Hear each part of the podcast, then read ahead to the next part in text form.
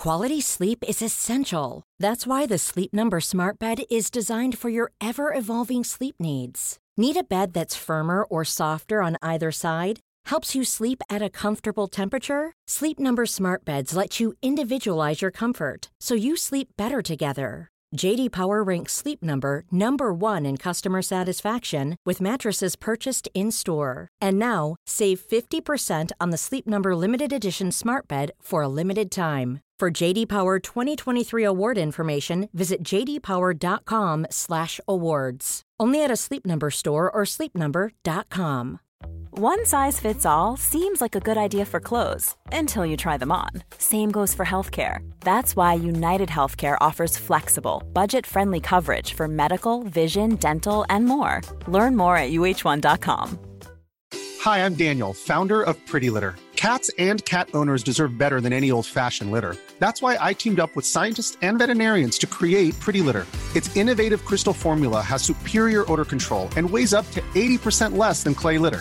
Pretty Litter even monitors health by changing colors to help detect early signs of potential illness. It's the world's smartest kitty litter.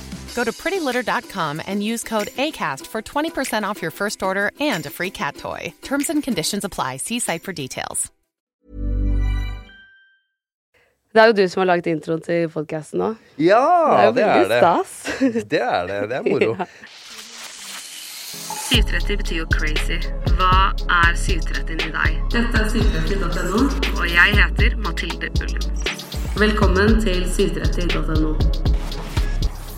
Han tok hiphopen til Norge og ga det legitimitet. Han blir ofte omtalt som gudfaren til norsk hiphop, men er også kjent under andre navn som Father Blanco og Silent Partner. Velkommen til studio, Tommy T. Tusen takk. Du er jo en legende i musikkbransjen og har gjort så utrolig mye. Hvordan føles det å være en legende? Ja Nei, altså, jeg har jo blitt omtalt som både legende og veteran og gudfar og sånn, egentlig siden jeg var knapt nok 20 år. Så ved, eh, til å begynne med så syns jeg det var bare corny, og jeg ville ikke ha det på meg. Jeg ville ikke ha noen sånne titler. Jeg kan ikke leve opp til noen ting.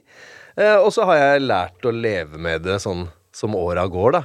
Og se det som er hyggelig. For det er jo jævlig hyggelig at folk gir meg en sånn hedersbetegnelse. Så det føles godt i 2023. Ja, Det skjønner jeg. Ja. Men er det litt fordi at da du begynte med det, så var det veldig kontroversielt, folk så litt ned på det, man var litt utenfor hvis man drev med det? Veldig utenfor. Uh, ja, da, og da, da Altså, hele den ungdomstida mi var jo fylt av eh, en følelse av at eh, det jeg dreiv med, og de få rundt meg dreiv med, det var jo ikke noe som hadde noe verdi. Og man blei jo veldig satt ned, sett ned på Man blei ikke tatt på alvor. Eh, ingen hadde noe interesse for hva vi dreiv med, egentlig. Så det var eh, det, Da opparbeida meg en slags sånn eh, antiholdning til samfunnet for øvrig, og særlig folk på vår alder, da vi var liksom ungdom. Skulle aldri bli sånn som dem. Eneste de gjorde, var liksom sånn A4-ting, og så gikk de ut på byen på i helga og var drittsekker, og så var det A4 igjen i, i, i uka. Og jeg var litt sånn bevisst på at det er, det er ikke sånn liv jeg vil ha. Uh, så, så da begynte man å se litt sånn ned på alle andre. Eh, og så skjønner man ved et eller annet tidspunkt når man blir voksen at du kan ikke gå rundt og se ned på absolutt alle andre bare fordi de ikke, ikke forstår hva vi driver med. Men eh, i 2023 så er det noe helt annet. Nå vet jo alle hva hiphop-kultur er, og veldig mange liker rappmusikk, og man har jo en helt annen aksept. Så jeg tror det har vært sunt, ja, å ha litt sånn oppoverbakke til å begynne med i karrieren. Ja. Ja, for det er jo noen som starter liksom med et pang og bare får masse følgere. Nå er det jo på TikTok og overalt, og så går det dritbra. Man kan gå nummer én på første plate, eller ja. Og så Da må det være beinhardt å jobbe seg videre fra det. Jeg misunner ikke artister, særlig unge artister, som gir ut én låt, og de har kanskje lagd fem-ti demoer i hele sitt liv, og blir kasta ut i, i en eller annen sånn tilværelse hvor de skal plutselig være stjerner, de skal være forbilder, og, og, og alt går dritbra. Eh, og så kommer det en dag, kanskje bare om to, tre, fire måneder, hvor folk ikke bryr seg så mye. Du er ikke, du er ikke liksom det lenger det unge håpet på samme måte. Og man klarer ikke liksom å opprettholde den hiten man hadde hatt fra, fra før av, det, det er liksom recipe for disaster, altså. Det, jeg jeg misunner ikke artister som, som, som tar den veien. Det er jo ikke noe man velger, selvfølgelig. Og det er jo luksus å få en hit på første låta de gir ut. Men det har definitivt en klar bakside, den medaljen der, da. Ja, det er kanskje ikke så fruktbart for en lang karriere hvis man skal begynne på topp med en gang. Man må Jeg tror det er veldig veldig sunt å, å, å, snike seg inn så sakte som mulig, egentlig, og få en følelse av hele musikkbransjen, få en følelse av Eller bli kjent med seg selv også, samtidig. For det er sånn, Som 18-åring så er man, man Man kjenner ikke nødvendigvis seg selv 100% Jeg gjorde i hvert fall ikke det. Knapp. Knapt nok nå, liksom. Altså sånn, herregud. Og nå er jeg 51. Så, så ja, jeg, jeg- jeg anbefaler for de som har et valg, å prøve å se for seg en, karrieren sin på et langt, langt perspektiv. Og gjerne over ti år. Ja. Selv om det høres jævlig mye ut for en som er 18 i dag. Men så er det ikke det når man blir litt eldre. Nei, nei, ti år går jævlig kjapt, det. Hva var det som eh, appellerte med hiphop-kulturen for deg? Jeg tror at det Altså, det første jeg husker fra hiphop-kulturen, det er en musikk som jeg syns var jævlig spennende. Jeg hadde jo forhold til musikk, eh, ganske sterkt forhold til musikk egentlig fra jeg var veldig, veldig liten. Eh, Men når jeg hørte rappmusikk, da var det liksom noe helt annet. Og jeg, selv om jeg kanskje bare var 10-11, maks 12, så, og skjønte ikke alt det de sa, så forsto jeg noe Det var noe med alvoret i det som jeg likte jævlig godt. Og selvfølgelig breaking. Det så jo dritkult ut når folk breaka, så jeg ville jo gjøre det. Og graffiti Uff, for en kunst, liksom. Første kunstopplevelsen jeg hadde, var jo liksom å se graffiti. Så det var eh, Først så var det bare det at det var bare veldig gøy. Og så etter hvert som tida gikk, og mm, hiphop-trenden eh, begynte å gå nedover, fordi den var jo utrolig stor på midten av 80-tallet. Eh, men i 1986-87, da var det full nedtur. Driver du med det enda? Hæ? Hvorfor går du i de- hettegenser nå? Det er ferdig, den trenden der. Da fikk vi den. Men da var vi en liten gjeng da, i, eh, i, i Oslo som eh, fortsatt likte det, og vi begynte å virkelig skjønne hva det her var. Det begynte å få et sånn politisk aspekt i tillegg, som vi begynte å liksom bli bevisste på. But Public Enemy kom ut, og det var liksom mye sånn conscious rap som kom på den tida, så vi var veldig ins- inspirert av det. Så da, da, da, da ville vi gå dypt i den materien. Og så var det det der med utenforskapet, at man følte seg kanskje ikke Altså, jeg spilte ikke fotball. Jeg bodde på Årvoll fram til jeg begynte på skolen, og da flytta vi til Storo, og jeg begynte på Grefsen skole, som var eh, litt, litt annen type miljø enn det jeg var vant til.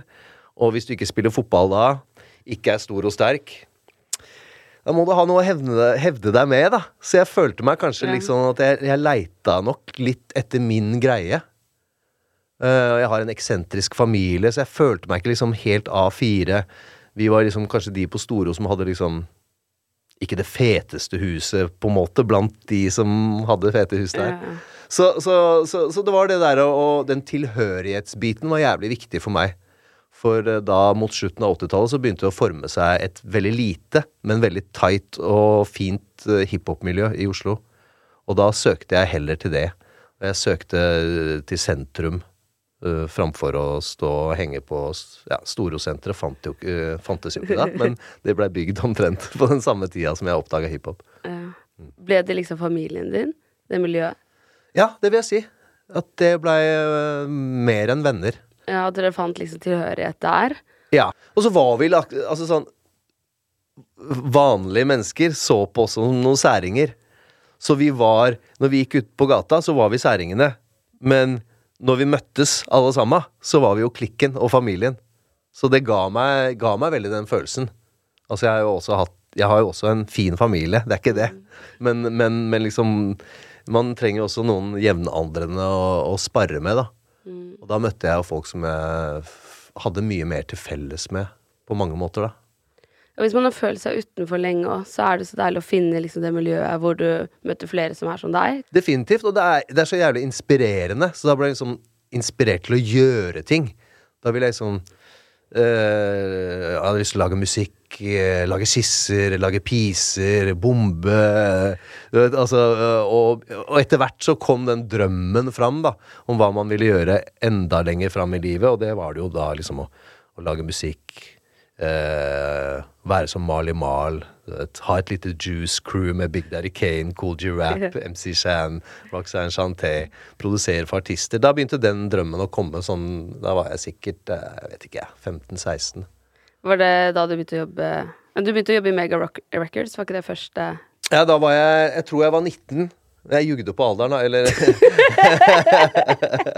Det gikk jo fortsatt å gjøre i 1990. Eller 91, eller når det var. Eh, da starta jeg da, da hadde jeg drevet eh, en nærradio som het Rainbow Radio i noen år. Og så ble jeg litt headhunta da av en som heter Nina Lauritzen, som er sånn promoguru i disse dager, eh, som skulle starte et nytt plateselskap. Og da ble jeg en av de to som starta det. Samme, eller det var Nina og meg. Hvor gammel sa du at du var? Jeg, tror, jeg mener at uh, Altså, det var et dansk selskap, egentlig, så vi hadde danske sjefer. Så jeg mener at Nina Hun visste jo hvor gammel jeg var, men hun var sånn Han er uh, i 20-åra. Et eller annet sånt noe, sa hun. Men jeg, jeg, jeg mener jo at jeg var 19, da. Men uh, det er gøy. Så det var jo Det var en flying start på businessdelen av musikk. Så tidligere så hadde jeg jo ikke vært så opptatt av den biten. Så det var en, eh, det var en eh, høy lærings... Eller hva heter det? Bratt læringskurve. Og jeg lærte jo så jævlig mye. Jeg jobba, jobba vel der i sånn tre-fire år, tror jeg. Og så starta du T-Production etterpå? Ja. Og da, da hadde jeg liksom både business skills og selvtillit og kontaktnett. Og Nina og andre folk jeg jobba med i ryggen, så da, da følte jeg meg trygg nok til å starte T-Production som et sånn ordentlig selskap. Fy fader, det er rått, da. Starte eget selskap så tidlig. Ja, det var veldig, veldig, veldig kult. Veldig kul tid. Det var jo en tid hvor liksom Altså, musikkbransjen i Norge, de syns eh, Ace of Base Det var hard musikk. Det var vanskelig å selge inn Ace of Base på Innova, liksom, eller i alle platebutikkene, da.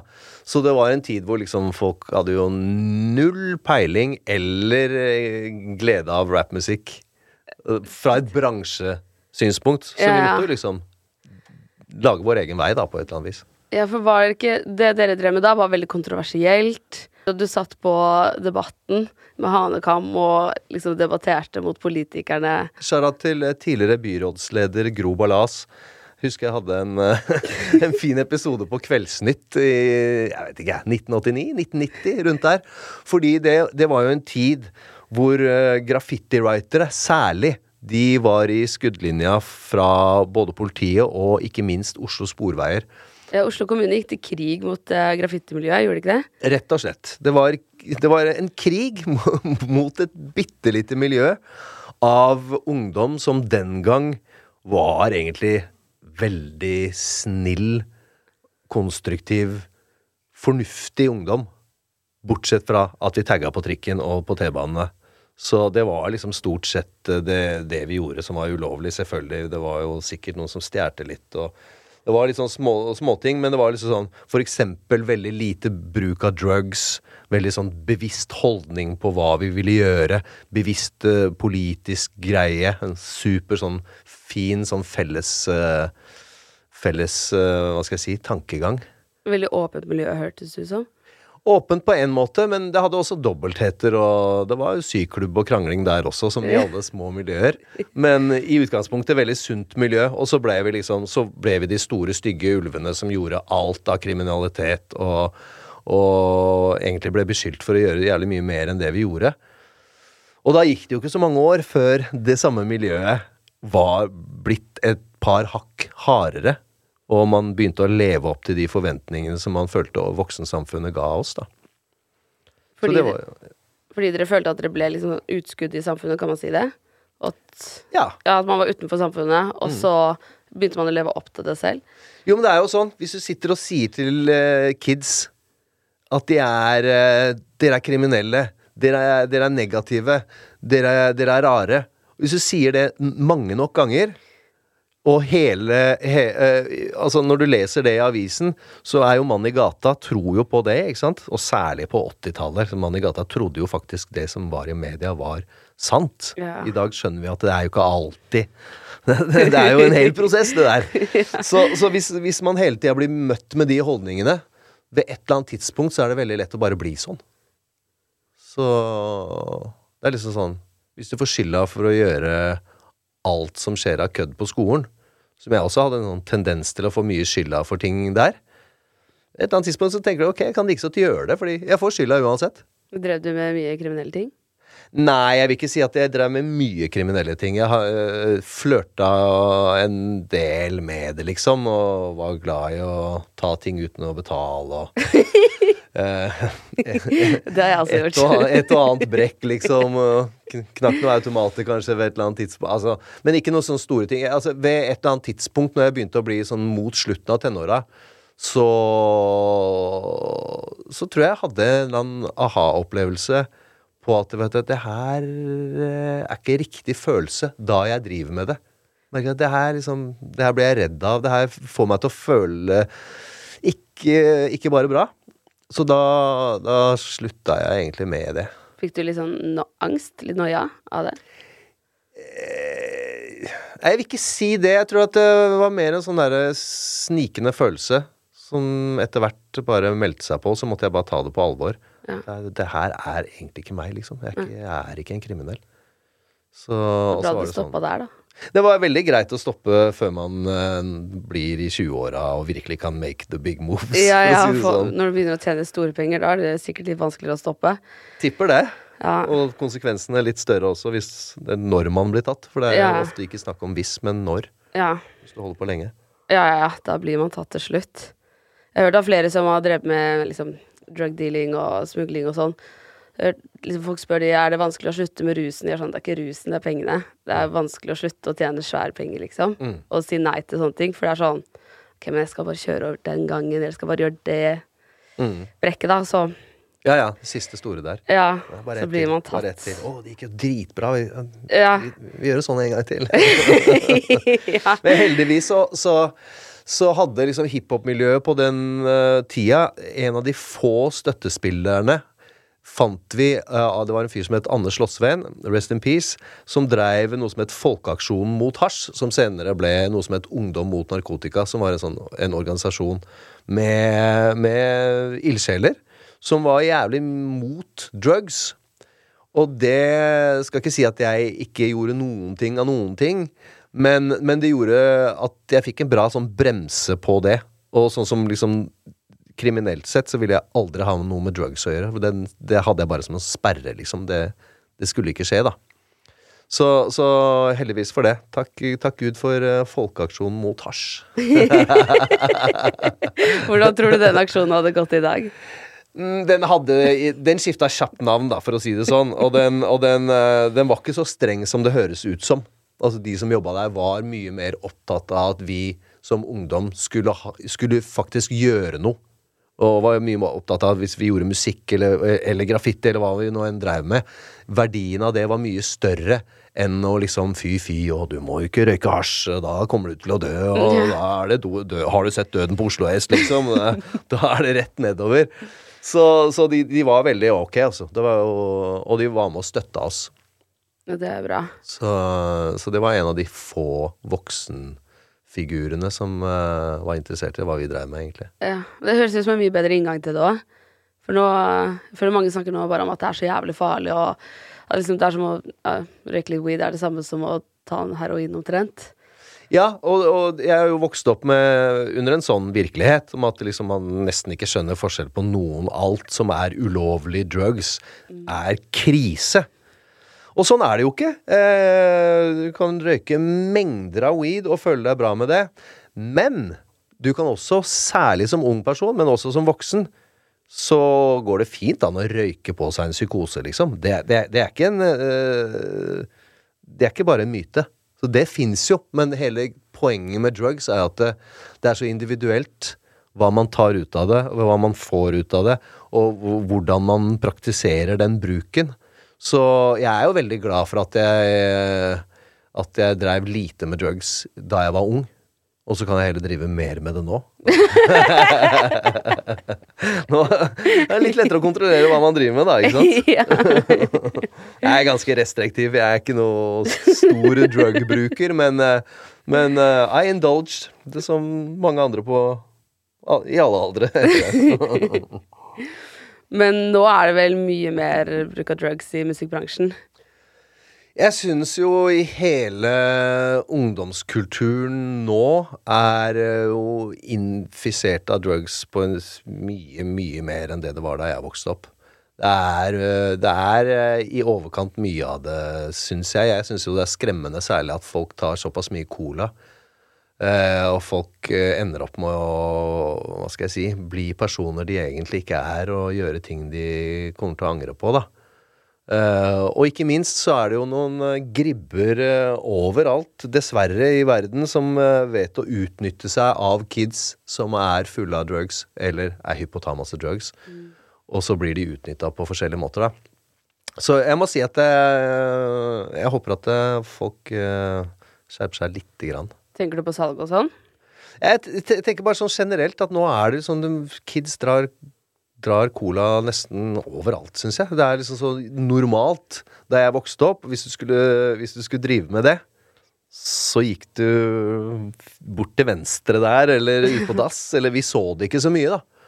Mens nå er det så åpentlyst og nesten litt sånn status eh, blant unge kids i dag, og det, det, det, det syns jeg er litt, uh, litt skummelt.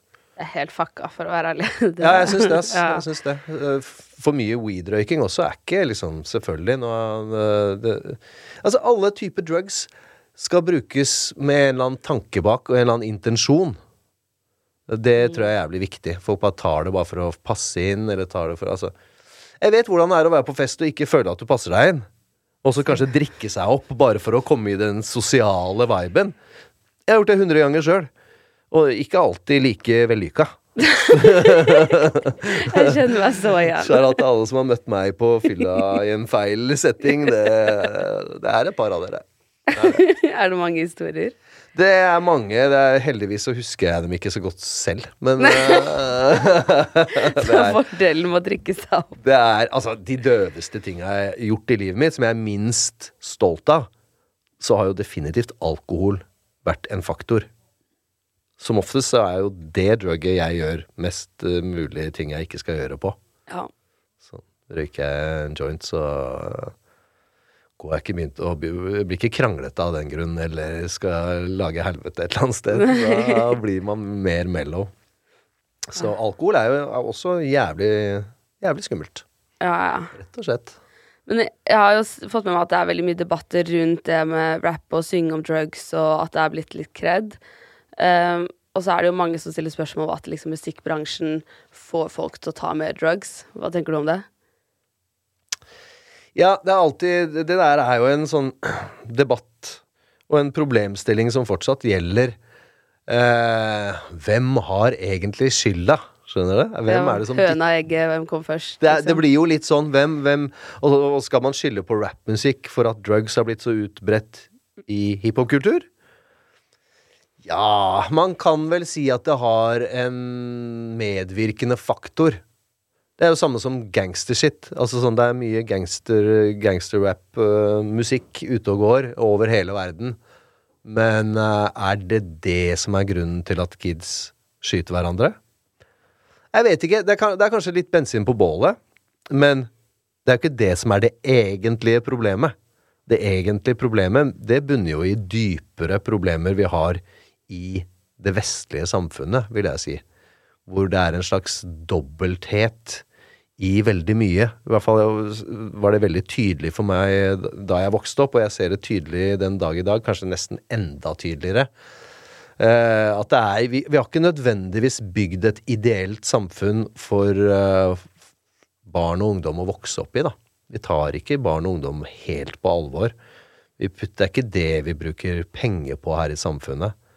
Eh, jeg syns jo at man, eh, man har langt igjen å gå til vi har et sivilisert samfunn, også i Norge. Jeg syns ikke det er sivilisert eh, Når kids ikke har et sted å være, når kids ikke føler seg som en del av samfunnet på et nivå som de bare egentlig gir faen, og ikke, ikke gidder å bry seg om mannen i gata, liksom, eller hvem som helst, da. Vi har ikke nødvendigvis den respekten for medmenneskene. Og det bunner i eh, ja, eh, en økonom, eh, økonomisk styring. En slags eh, Alt er liksom økonomi i dag. Alt er penger, ikke sant. Tenker du på store økonomiske forskjeller, for eksempel? Ja, vi lager store økonomiske forskjeller. Vi, vi, vi tillater en del aktører i samfunnet å dra utrolig mye penger ut av fellesskapet. For at de kan bruke det på hva nå enn de bruker det på, liksom. De som sitter med jævlig store midler. Eh, også istedenfor å investere det i folket, da, så er det liksom den profittankegangen. Og det skaper jo økonomisk eh, store forskjeller, også i Norge. Det er jo helt absurd, egentlig. Vi sitter Ja. med milliarder på milliarder på bok, og så Og så skal folk eh, liksom stresse med strømregning, eller ikke ha en fuckings fritidsklubb å gå til, liksom. Det Skal henge som- utafor senteret. Ikke har råd til å betale for fotball til kidsa, liksom, eller hva enn de har lyst til å gå på. Da trenger jo ikke å være fotball, men det er mange familier som ikke har råd til å betale de kontingentene, og det er Masse. drittrist. Masse, masse, masse mennesker som, som føler det der. Og, og de som jobber i sånne type uh, idrettslag og, og sånn, de er jo veldig flinke til å ta seg av folk, og er veldig sånn bevisste på det, at det er ikke alle som har råd til den tusenlappen, 2000, 3000, hva, hva det enn koster i løpet av et år, ikke sant? barn, så Ikke sant? det går jo ikke. Har du fire-fem barn, du skal betale flere tusen kroner per Altså, kanskje de har lyst til å gå på forskjellige idretter. Skal de spille fotball på det og det laget, så er det plutselig 10 000 i året, ikke sant? Da, og det, og det det er mye penger. Ja. Så hvis du har en helt normal lønn, Og i utstyr. I tillegg. utstyr i tillegg, Ja. og så skal du betale strømprisene, og så skal du kjøpe deg litt mat på Rema 1000, og så er alt Ja, plutselig blitt uh, 40 dyrere, virker det som. Da må man deale med det. Og hvor skal man, man Og man har ikke det overskuddet. Det har ikke til og med Jeg har ikke en sånn finansiell buffer som jeg kan bare ta av når ting blir vanskelig. Det er sånn Det tilhører min foreldregenerasjon. eh, kanskje. Å ha liksom eh, Jeg er kanskje bare dårlig til å spare også, men, men sånn, folk har ikke så mye ekstra penger, da. Så når du, når, du bare dytter opp priser på alt mulig, så får det en reell konsekvens til livet til veldig, veldig mange mennesker, da. Ja. Også i Norge, liksom. Rike Norge. Vi har hatt eh, Caroline Nitter her som gjest. Hun eh, har vært med i Ex on the Beach og sånn, og nå driver hun med Onlyfans. Og hun sa at det hun får mest spørsmål om på den Onlyfansen, er jenter som, eller damer, liksom mødre, som sliter økonomisk, og spør om tips, for hun tjener jo veldig mye penger på det, om hun kan gi tips til hvordan de kan liksom tjene like mye. Og hun bare 'Dette skal ikke du begynne med fordi du har dårlig råd. Dette her ligger ute for alltid. Så hvis ikke du er keen på den rollen, liksom, så gjør du det ikke'. Og hun bare 'Det er helt sykt at det har blitt sånn', da. Ja, ja, fordi folk, og folk leser da om alle disse stjernene som drar inn så og så mye per måned på Onlyfans, liksom. Og så blir det en ja, en vei å gå, da. Hvis man har kanskje ikke så jævlig mange alternativer heller, ikke sant. Er du jo alenemor med et par unger på østkanten i Oslo, liksom, med en helt vanlig kontorjobb eller butikkjobb eller et eller annet sånt noe. Selvfølgelig er det fristende. Og man forstår jo ikke rekkeviddene av, av det man har lyst til å gjøre da. Man, man, er ikke, man forstår ingenting av konsekvensen, egentlig, som kan komme årevis. Det kan komme om ti år, og det kan ramme unga dine, ikke sant. Ja, og når du sliter, så tenker du ikke langsiktig. Du tenker jo bare på ok, hvordan skal jeg få betalt disse regningene. Du er ikke keen på røde tall, og du er ikke keen på at noen skal banke på døra di og kaste deg ut. Nei, og så har du kanskje levd da eh, fra hånd til munn i mange, mange år. Og så er det sånn Jeg er også hypp på å kjøpe meg en fet dunjakke til vinteren, eller jeg vet ikke, jeg dra en helgetur til Gøteborg. Altså whatever. Noen sånne Ja. luksusting. Alle har lyst til det. Og hvis du ikke har den muligheten, og du blir dytta på nettet, så er det liksom du vet, Da er det bare luksusting, og, og altså, du blir dytta liksom Det er mange drømmer som, som kommer ut av det. Så da forstår jeg det jævlig godt. At man ser etter uh, andre ting, om det er Onlyfans, eller om det er å selge weed, eller hva nå enn det er, liksom. Ja, ja. Finne på noen smarte eller kortsiktige ting som gjør at du tjener masse cash. Ikke sant? Selv om du kanskje da potensielt uh, vil slite med det en eller annen gang i framtida, da. Ja, ja. Å, fy fader. Og det er selvfølgelig ikke folkets sin skyld. Dette er det andre som har skyld i, som eh, ikke sitter og ser på den podkasten her nå. De har andre ting å gjøre.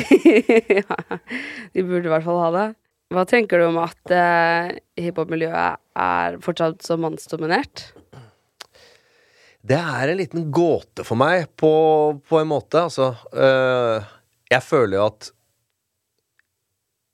Altså Back in the days så var det mer naturlig at det var mer mannsdominert, fordi at det bare det, det var det i USA, på en måte. Man hadde ikke så mange kvinnelige forbilder, selv om definitivt det var noen.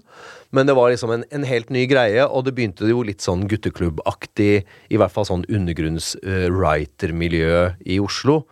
Som, som jo også var sånn til tider var jo litt sånn Da skal du gjøre noe ulovlig for å på en måte gjøre kunsten din, skjønner du? Og du kan bli satt i fengsel for det. Så det er selvfølgelig Jenter er vel ofte bitte litt mer fornuftige, kanskje, i en sånn tenåringsalder. Eh, men i dag så er det jo helt annerledes. There's never been a faster or easier way to start your weight loss journey than with PlushCare. PlushCare accepts most insurance plans and gives you online access to board-certified physicians who can prescribe FDA-approved weight loss medications like Wigovi and Zepbound for those who qualify. Take charge of your health and speak with a board-certified physician about a weight loss plan that's right for you. Get started today at plushcare.com slash weight loss. That's plushcare.com slash weight loss. plushcare.com slash weight loss. Quality sleep is essential. That's why the Sleep Number Smart Bed is designed for your ever evolving sleep needs. Need a bed that's firmer or softer on either side? Helps you sleep at a comfortable temperature? Sleep Number Smart Beds let you individualize your comfort so you sleep better together. JD Power ranks Sleep Number number 1 in customer satisfaction with mattresses purchased in-store. And now, save 50% on the Sleep Number limited edition Smart Bed for a limited time. For JD Power 2023 award information, visit jdpower.com/awards. Only at a Sleep Number store or sleepnumber.com.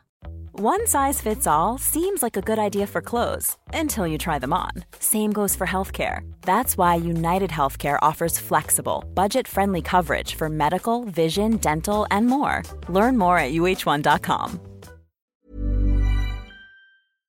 Opplever dere det noen ganger på National Rap Show? At Alt dere får tekniske mulig. problemer? Ja. Alt mulig av ting som skjer. Kri- eh, så Krinken skal jo være top notch eh, teknisk, men eh, det skjer ting der stadig vekk, altså. ja, det kan må jeg man se for eh, meg. get around og finne en måte å løse det på. Ja. Jeg er oppvokst med nærradio, så jeg er jo vant til å finne egne løsninger og lodde mine egne ledninger og teipe det sammen og fikse der og altså Vi hadde jo ingen penger til å lage nærradio, Nei. så vi måtte bare bruke det vi hadde. Så det var jo sånn. Ja. For du har drevet National Rap Show i snart 30 år. Mm. Og jeg kan se for meg at det er mange ganger at ting har skjedd da med tekniske problemer og noe svikt og noe Ja. Hundrevis av ganger. Ja. Hva gjør du da? Ja, man må jo bare løse det. Ja. Og plutselig er det en Mac som slutter å virke og sånn. Det var jo lettere før med vinyl. Da hadde man jo Ok, hvis stiften knakk, da, så hadde man plutselig ingenting.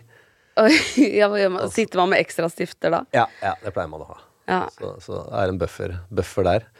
Verste fall får man spille med én platespiller, da. Som Ja. jo ikke er noe gøy. Da blir det ikke noe fet miksing og noe gøy. Scratching. Shit. Er det ofte sittet med gjest i studio, og så er det noe som går løs, og så Det, det har skjedd, det. Ja. Definitivt. Du blir ikke nervøs?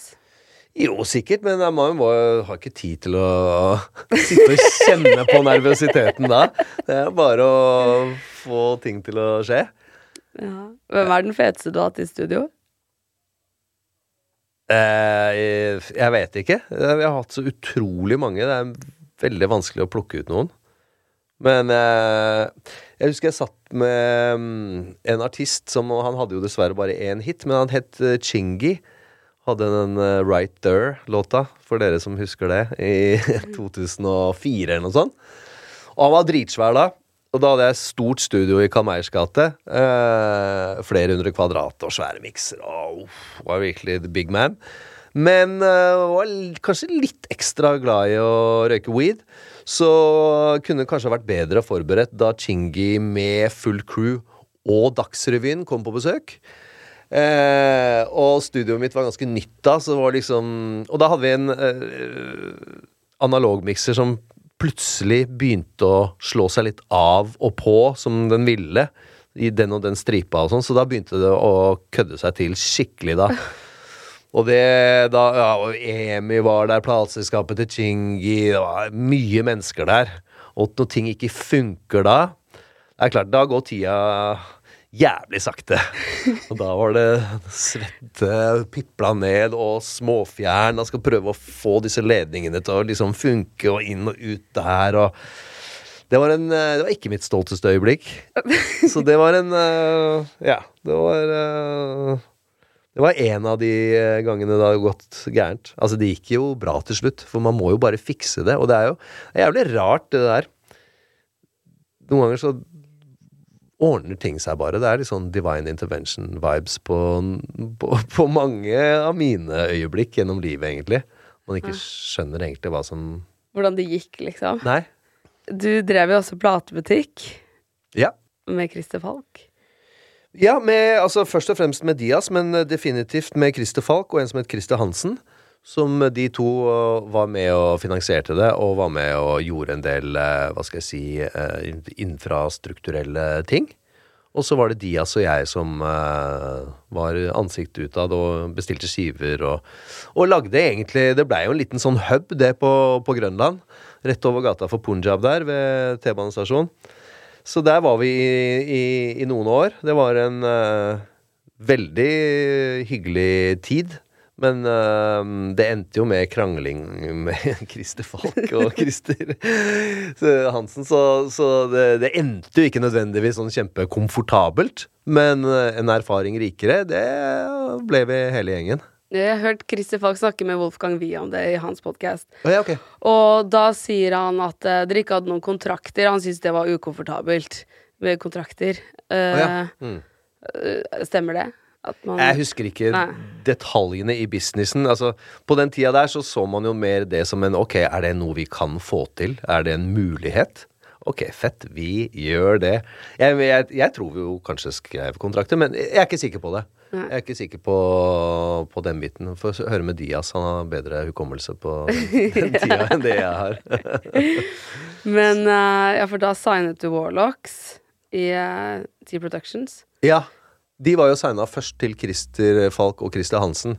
Det var jo der konflikten stemmer ut fra. I, i platebutikkbusinessen. Den gikk fint, det. Ja. Så det var mer det at eh, de hadde gjort en avtale med Warlocks om å finansiere et album eh, med dem.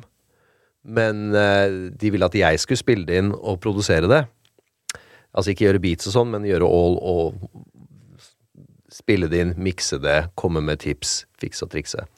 Og i, midt i den prosessen så, så Warlocks var jo ikke ukjente for meg fra før av. Jeg kjenner jo dem de, de møttes jo gjennom Rainbow Radio. Håkon fra Ski og Kevin og André fra Stovner. De visste jo ikke hvem hverandre var før de ringte inn på Rainbow Radio. Og de blei jo kjent sånn. Så jeg hadde liksom kjent dem i en del år, men, eh, men eh, Og var i oppstarten av T Productions akkurat på den tida hvor jeg tok det oppdraget å spille inn den skiva for, eh, for Christer Falk og Christer Hansen. Så kom vi midt inn i innspilling, og da har vi liksom vært mange dager i studio sammen. Dette her begynner å låte jævlig bra. Jeg begynner å se potensial av ting. Eh, Dias og Lyset var allerede to rappere som var på T Productions da.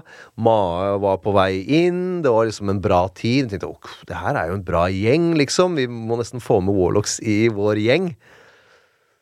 Hvor da jeg tok selvfølgelig først en prat med Warlocks, og så tok et møte med Christer Falk og, og Christer Hansen. Christer og Christer, kan vi kalle det. C pluss C heter jo det. Eh, selskapet deres. Og da um, la vi vel egentlig fram eh, ønsket vårt om at Warlocks skulle være på T Productions, fordi da kunne jeg legge enda mer i det. De hadde jo et utrolig tight budsjett til å begynne med. Skulle gjøre det her veldig billig, undergrunn. Og så fikk jeg idé om å liksom om å gjøre det litt mer overgrunn og legge mer penger i det. Legge mer tid i det. Men da måtte jeg ha det på mitt selskap. Og det gikk jo C pluss C eh, motvillig med på. Eh, men da alt skulle gjøres opp, og underskuddet fra en singel de hadde gitt ut med Warlocks tidligere, skulle opp og sånn, så så syns jeg at de begynte å stille for mye krav.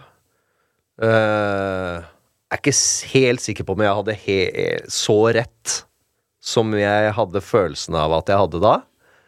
Men uh, Og da sa jeg nei, nei, du får, du får ikke de penga, liksom. Det, det, nå begynner det å gå langt i krav.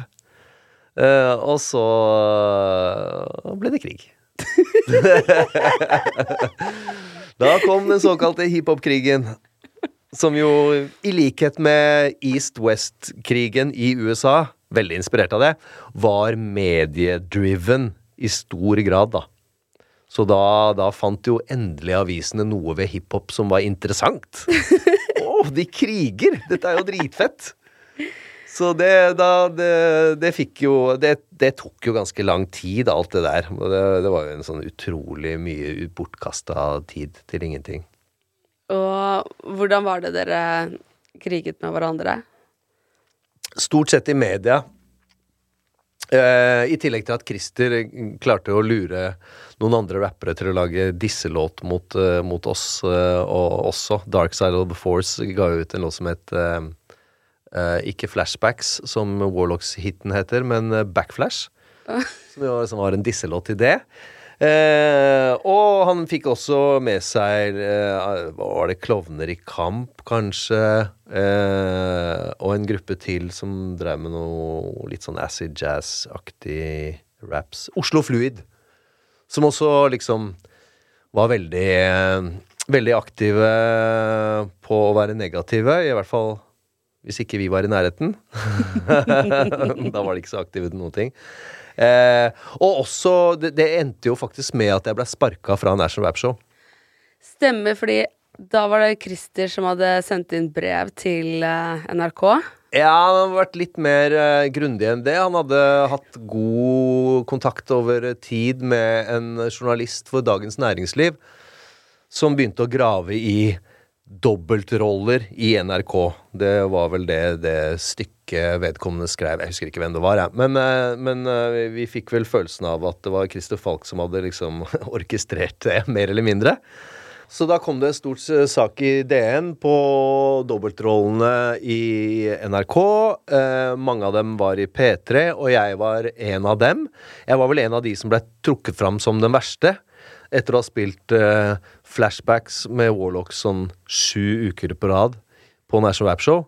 eh, som jeg, jeg, kunne jo kanskje liksom forstått at det skulle bli reaksjoner, men det hadde nok ikke blitt det, fordi det var jo en av de første virkelig fete norske rapplåtene. Så det var jo liksom ikke noe Jeg hadde jo ikke begrep om en slags dobbeltrolle i det hele tatt, fordi jeg har aldri gjort noe som ikke samvittigheten min er med på. Det var ikke liksom en greie i det hele tatt. Så jeg fikk jo sjokk da jeg liksom ble, ble beskyldt for det.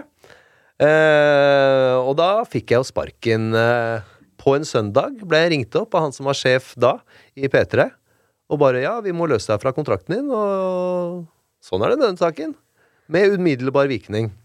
Og så var det forsida av Dagbladet eh, samme dag. Uh, Tommy T Jeg husker ikke overskriften, men uh, det var noe med Tommy T.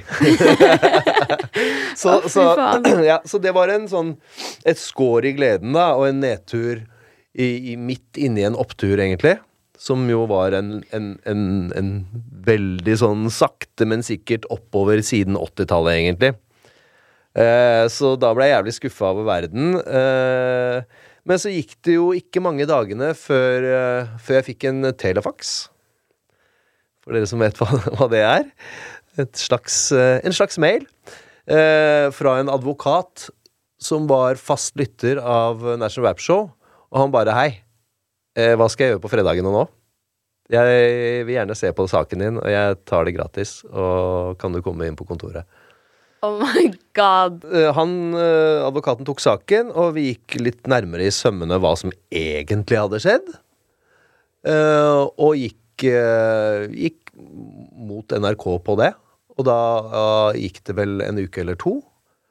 Da var jeg allerede i New York og miksa ting der. Lå på hotellrommet mitt og fikk en conference call der eh, fra NRK-sjefen, radiosjefen, og en liten eh, gjeng som satt der på conference call og kunne da meddele meg at jeg var inne i varmen igjen. Så det føltes jo digg. Åh, så deilig. Mm. Og så digg at ja, du har vært der for lytterne i så mange år, og så kommer lytterne tilbake og er der for Ja, deg. ja, ja, ja, fantastisk. Fantastisk eh, det som skjedde der. Sånn, igjen en divine intervention der. Ja, ja. Og det var sikkert digg å liksom vise det til Christer Falk, kan jeg se for meg. Ja, Christer Falk fikk jo noe Fikk nok å, nok å tenke på i, i kjølvannet av uh, hiphop-krig, han også. Ja. ja, han sa at det var et par ting du også hadde gjort. Definitivt. Altså, i en krig så, så, så fins det jo ingen som egentlig vinner. Nei. Alle har jo sine tap. Så det gjaldt også den såkalte hiphop-krigen, da. Ja. Så ja. Nei da, det skjedde masse ting der. Det var ikke bare Christer som, som fikk smake på den krigen. Det var andre også. Hvem da? Nei, det var jo en del rappere. Jeg husker ikke eh, helt hvem som var hvem, og alle detaljene er ikke like klart for meg, men det var jo noen rappere som fikk storma release-partyet sitt, eh, blant annet, av en del eh, av gutta, gutta i gatene. Som stengte ned det release-partyet ganske kjapt.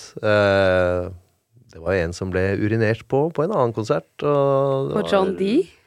Ja. For Representing 2000? Det var det, faen meg! På Represent 2000. Skjæra til dem. Konserten der.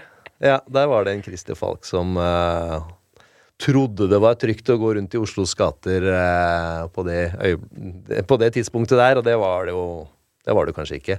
Men eh, det er jo Alternativet eh, hadde jo vært noe helt annet. Ja, altså Så det var, det var egentlig greit at man øh, fikk en sånn, hva skal jeg si Et humortilsnitt til det. ja. Istedenfor alt det andre som kunne ha skjedd. Og det kunne liksom ha gått øh, ja, mye hardere til verks. Jeg vil heller ha en golden shower enn en knyttneve i trynet eller noe. Ja, én knyttneve i trynet er greit, det, men eh, her kunne det nok blitt mange. Så det var veldig bra. Det endte vel sånn det skulle ende, antar jeg. Og alle, alle er i god behold den dag i dag, og takk, takk og lov for det. Ja. ja, det er veldig morsomt. Har fått mange spørsmål om den eh, Ja. Hiphop-krigen, ja. Det er, det er jo ikke noe kids i dag. De bryr seg ikke om det. De har ikke knapt nok hørt om det, veldig mange, tror jeg. Det var veldig mye kids i dag som spurte om det. Ja, var det det? Ja. Oh, shit. Jeg, jeg trodde ikke folk brød seg. Men eh, det var jo veldig stort da det var. Det var jo sånn, Jeg husker jo en søndag som uh, Som jeg åpna Aftenposten, sånn litt sånn småtrøtt der, og jeg åpna alltid avisen bakerst, fordi bakerst var kultursidene, så jeg bryr meg ikke så mye om det forreste. Så kom jeg der, så er det liksom Ropte 'fuck Tommy T' på scenen! Det var liksom en helsides sånn anmeldelse av en eller annen konsert, om det var Oslo Fluid eller Dark Side of the Force. Hvem nå enn som hadde sagt 'fuck Tommy T', da. Men det var hele liksom overskriften til det. Oh shit! Her skjer det ting. Mye negativt. Og det er klart, selv om jeg var, eh, var en breial og, og, og tilsynelatende tøff gutt på den tida, så var jeg også liksom også usikker eh, gutt i tidlig 20-åra som egentlig hadde bare the best of intentions. Så, så det, det svei jo litt for meg også, selv om det er sånn I dag så er det jo bare gøy. Men, men uh, uff, det tok mye tid også. Det var liksom, fordi Vi fikk jo en del journalister og folk i media som ble veldig mot oss. Så de ble jo så happy da det kom flere rappere på banen, så de slapp å prate med oss. De kunne heller prøve å heve noen andre frem, ikke sant. Så da- de hadde media på sin side. De hadde det. Med, mye mer enn oss. For vi ga faen i media. Ja. Så og det, det, det forsto vel media også. Så ja. Mm. Syns det var slitsomt. Herregud. Så gøy. Ja, jo, det var en gøy tid også. Ja, ja. Lærte et par, par ting. ja, og så var det Nordic Music Awards, som Trond Kvernstrøm hadde regi på. Mhm. Og da kom dere med Taking Over, og da Ja. hadde dere en ganske interessant entré. Ja. Skjæra til eh, Trond Kvernstrøm, som jo var en stor del av den ideen. Vi ville jo bare gjøre noe sinnssykt. Vi var liksom der. Vi ville gjøre noe, noe spektakulært. Vi hadde jo tidligere det året, i 98, eh, opptrådt på Spellemannsprisen. Eh, det var akkurat da Taken Nova kom ut. Og så fikk vi da sjansen til å gjøre Hit Awards, som jo var hakket større eh, enn Chateau Neuf og Spellemannsprisen, selv om det var dritfett, det også. Så nå ville vi gjøre noe sinnssykt. Og da Jeg mener at det var Trond som hadde den ideen om at vi måtte jo bare rappellere ned fra taket på Oslo Spektrum. Noe som jo hørtes ut som en jævlig god idé, helt fram til vi kom på prøvene et par dager før, og vi står helt oppunder taket der. Og der er det bare sånn, hva heter det, sånne derre rister man står på, sånn liksom. stillaser sånn Ish. Så man ser jo rett ned der. Og da oppdaga jeg at faen, jeg har jo skikkelig høydeskrekk. Men det, det, det var jeg ikke så bevisst på før jeg kom dit. Så da det var nesten så jeg felte en tåre. ass. Det var, det var ganske, ganske tøft. Og så hadde vi sånne lysprøver, så vi liksom ble Vi ble eh, heist én meter ned, og så hang vi da i den ene lille der. Og så var det selvfølgelig vi, Det var proffe folk som, som gjorde dette her, og som holdt oss, videre. Men å bare henge sånn 30 meter uh, over bakken mens folk driver og stiller lys, og det begynner å gå no, For meg så føltes det som timer, men det var sikkert ikke mange minuttene, da. Men eh, da, da var det i overkant av hva jeg var komfortabel med, å si det pent. Men det var gøy når det skulle først gjøres, da. Når man først kom ned. Og liksom, det var 10 000 kids i Oslo Spektrum. I 98 så var det helt absurd. Husk, det her var lenge før Karpe fylte Spektrum én gang, liksom. Så det var helt absurd å liksom kjenne energien og høre jenter skrike, liksom. Hva faen er det? Det her er jo helt uh, Beatles-vibes på det, liksom. Og vi så liksom, folk lipsynka kunne teksten på låta. Det helt sånn gale-Mathias. Og, og, vi blir eh, heist ned og løper rundt publikum og rapper, og så går vi opp på scenen. Kommer opp på scenen, så ser vi Coolio som går opp der. Så Coolio prøver å få en mikk av, av, eh, av meg og andre. Men ingen av oss vil gi han en mikk. For vi skal gjøre låta vår. Vi har en plan. Vi kan ikke gi, gi bort mikken til noen, liksom. Hallo, vi er seriøse. Så han fikk jo aldri noe mikk. Så er derfor, hvis du ser på videoen, så rører han rundt på scenen der og prøver å liksom Han skulle rappe, han, på Take Nova. Og det var jo egentlig noe jeg hadde prøvd å få til i forkant, men det hadde liksom ikke, vi hadde ikke fått noe gehør for det fra management og sånn. Så, så når han først så det, da var han hypp på å være med, da. Ja. Og da er det too late. Too late now, too late now. Du er jo aktuell med Blodsbrødre, som du har laget musikken til. En TV2-serie. Mm. Hvordan har det vært å jobbe med den?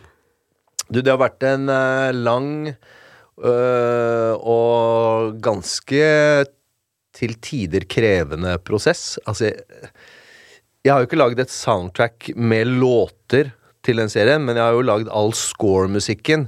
Altså all den musikken som du ikke nødvendigvis alltid legger merke til engang. Alt som skal sånn, bringe følelsene opp eller ned eller bort eller sørgelig eller action. Altså alt det som underbygger alt det som skjer. Så det liksom, For det første så har jeg fått sånn utrolig mengdetrening. For det er liksom over 300 minutter med film som skal legges musikk til. Og det er liksom som å lage fem-seks album, det er på rappen. Eh, så, og, og, og jeg har aldri gjort dette her før, så jeg har ikke deala med følelser på den måten i, sammen med bildet. Så, så det her var en sånn var, Jeg har rett og slett uh, gått på skole det siste året. Det har vært en voksenopplæring av dimensjoner. Så heldigvis så har jeg hatt tålmodig både regissør og produsent og gode folk rundt meg som har liksom losa meg gjennom det. Og, og som har forstått at dette her har jeg jo egentlig ikke greie på. Jeg gikk jo inn i liksom den jobben. Jeg, jeg har lenge hatt lyst til å gjøre filmmusikk. Men når jeg først plutselig fikk den jobben, så, jeg, så tenkte jeg at det skulle være ganske mye enklere. Ok, jeg kaster noen beats på han her. Jeg har en del Jeg har masse allerede, skjønner du. Jeg har sikkert alt. Det var det jeg tenkte da. Ikke noe problem. Men eh, så gikk det et par måneder, og det, funker det ikke, så funker det ikke. Og det gjorde ikke det på, til, til å begynne med. Da var det liksom Det var ganske, ganske hardt å komme i gang.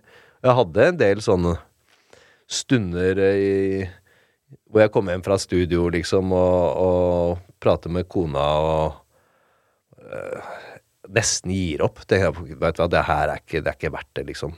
Det øh, Kan vi klare oss uten de penga, fordi jeg orker ikke mer. Det var noen sånne. sånne og så ved et eller annet tidspunkt så begynte det å flyte litt bedre, og så følte jeg at jeg begynte å få litt taket på det. Og nå har jeg funnet opp min egen måte å gjøre score-musikk på. Som jeg vil tro er relativt uh, unikt. Så fett. Jeg, har, jeg, ga jo ut det her uh, den 27. Et soundtrack. Hvor man kan høre da 16 Det er sånn 70 minutter med musikken og sånn. Nesten ingen trommer på noen låter. Ingen vokal. Veldig trippy. Vi prata om drugs tidligere. Hvis du skal ta drugs uh, før du noen gang, så, så, anbefaler jeg å gjøre det før du setter på det soundtrack-albumet. Da kan du gå gjennom hele reisa der. Da kan det være interessant. Men det er, det er, helt utrolig merkelig å lage musikk på den måten. Men veldig kult. Veldig, veldig kult. Superhappy. For... Hvordan føles det å ha gjort det, når du var så usikker på om du skulle klare å gjennomføre? Jo, det, det er en sånn mestringsfølelse, da, som man får da. Og det er jo det Å kaste seg ut i noe så nytt som 50-åring, det, det, det, sier seg jo ikke sjøl at det skal funke. Så når jeg bare har kommet gjennom, så er jeg veldig, veldig, veldig happy. Si mye om deg, da. Takk. Jeg velger å ta det som et kompliment. Nei, men jeg, jeg hadde aldri kunnet gjort det uten at liksom de som fikk meg med, hadde gitt det lille ekstra, da for å lose denne fyren som tydelig ikke har greie på hva han driver med i det hele tatt. Men det er det som er litt fett med det prosjektet, for det er jo mange skuespillere òg som ikke er trente skuespillere fra før. Ja. Men, og det jo, gir jo så mye til serien òg. Ja, virkelig. Det er jo dødsfett. Det er, jo, er det ikke litt sånn norsk versjon av Snabba Cash? Det kan du si. Jeg må jo innrømme at jeg ikke har sett Snabba Cash, så jeg ser jo så lite på TV. Men, eh, men eh, det er jo vel litt, litt, av det, og litt av The Wire, og, og, og, litt av andre ting. Men det får jo sånn spesiell Oslo-feeling. Det er så jævla mange fine Oslo-bilder gjennom hele, da. Mm. Så det, det, det, blir liksom en egen greie. Selv om man kan name-droppe ting som, som, mangler. Og det er mange, mange gode folk som er uh, da, som ikke har gjort det før. Så det er jævlig kult. Vi må gå på spørsmålene. Mm. Ladies and gentlemen. Instagram spørsmålsrunde. Instagram spørsmålsrunde. Isak lurer på hvorfor du alltid kommer for seint til National Rap Show. Vel, det Isak vel her prøver å si, det er uh, Unnskyld, Tommy, for at jeg alltid kommer for seint på National Rap Show. um, hva er de tre største drømmene du ønsker å få til som produsent? Som produsent? Oh my god. Ja, det Vet du hva? Jeg Jeg er liksom så hva, Det er et veldig vanskelig spørsmål. Uh, nå er jeg jo litt inne på en score-vibe, så nå har jeg lyst til å gjøre det mer. Uh, og så er det jo selvfølgelig Det er jo ting som jeg i løpet av mitt lange liv enda ikke har fått uh, helt til. Uh, så jeg kunne jo tenkt meg å produsere mer ting i, egentlig utafor Norge. Som jo Jeg har gjort det mye, men jeg kunne tenkt meg å gjøre mer av det. Uh, ja, det er vel de mest umiddelbare tinga. Ellers har jeg gjort veldig mye, og jeg er superfornøyd med det jeg har gjort. Dette her er det sykt mange som lurer på. Um, hvem er den beste norske rapperen? Det Jeg er nesten glad for at jeg ikke har noe sånn umiddelbart veldig klart svar der. Fordi det er jo sånne ting som skal Som skal forandre seg etter hvert. Og det forandrer seg jo hele tiden. Eh, hva vil du si er den største forskjellen mellom bransjen nå og da du startet? Bransjen da jeg starta, som jeg var så vidt inne på, så var bransjen eh, da jeg starta, de var helt nesten helt ignorant til alt som het rap. eh, overall, da. Og da mener jeg bransjen som i plateselskaper, eh, managere og platebutikker, som vi Altså sånn Før i tida så måtte du lage, lage skiva, sende til trykk, få det tilbake. Selge det ut til hver enkelt sjappe. Ok, hvor mange skal du ha den? Jeg har en ny Warlocks-singel. Den kommer til å bli den verste hiten. P3 har, har lista den. Uh, hvor mange skal du ha? Ja, jeg, tar, jeg kan prøve to, da. Ok, to, fuck. Skjønner du? Altså, sånn, man, det var hver enkelt platebutikk. Uh, og alle Ingen brød seg egentlig så mye om rappmusikk eller elektronisk musikk i det hele tatt. Så det var den store forskjellen.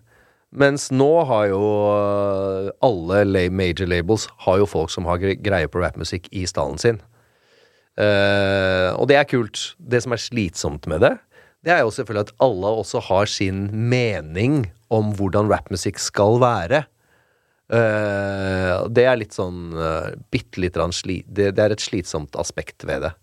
Men det er jo litt digg at man faktisk kan prate med folk i bransjen om musikken man liker best. Hva er ditt favorittprosjekt som du har produsert? Ja, det, det, det Uff. Jeg har gjort så mange gode der, da. Nei, Nei, men favoritten for meg tror jeg var Bones Beats and Believe, som er førsteskiva. Det er jo typisk.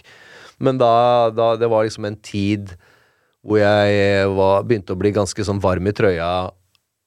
I, selvfølgelig her har jeg alltid vært varm men da var jeg i New York og gjorde masse ting til den. Halve skiva er spilt inn i New York, og halve skiva er spilt inn i Oslo. Og alt er jo miksa i New York, så da var jeg mye på et studio som het DND Studios, som da var liksom superklassisk.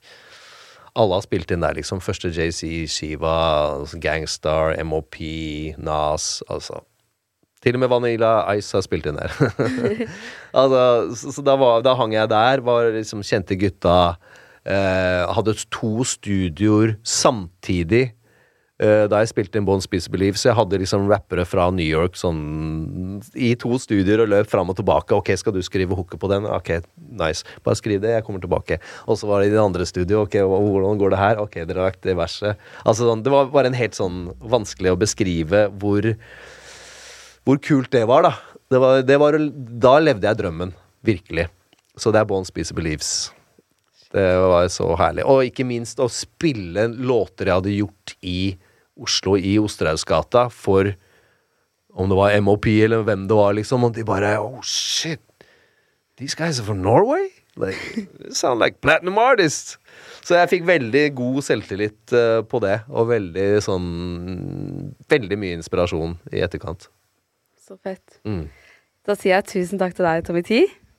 Tusen takk for at jeg fikk komme. Shout til alle gutta og alle jentene. ja. Det er så mye jeg ville spørre deg om, men jeg ble kasta ut av studio nå. Så du får heller komme tilbake, kanskje. Vi får ta en del to, da. Det var så gøy. Kjempegøy. Herregud, Bare gode- gode spørsmål. spennende liv. Ja, takk.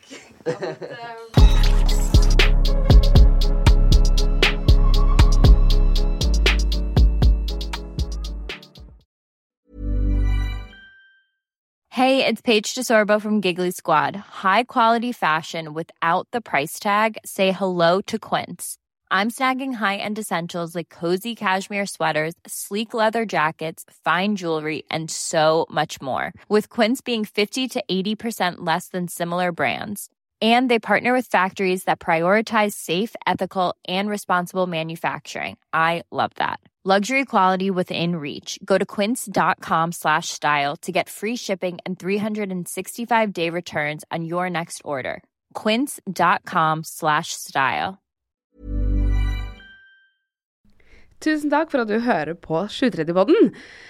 Hvis du har lyst til å være veldig kul, så er det bare å legge igjen fem stjerner. Og da blir jeg veldig glad, fordi det er jeg som lager alt til denne podden. Og jeg trenger masse gode stjerneanbefalinger for å kunne be sjefen min om litt høyere lønn.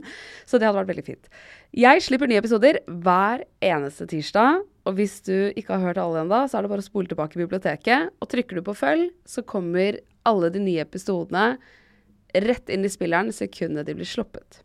Send meg gjerne en DM hvis det er noen du har veldig lyst til å ha som gjest. Og husk at vi alltid poster spørsmålsrunder på Instagram Story, så da kan du få med spørsmålet ditt i neste episode hvis du vil det. Ha det bra!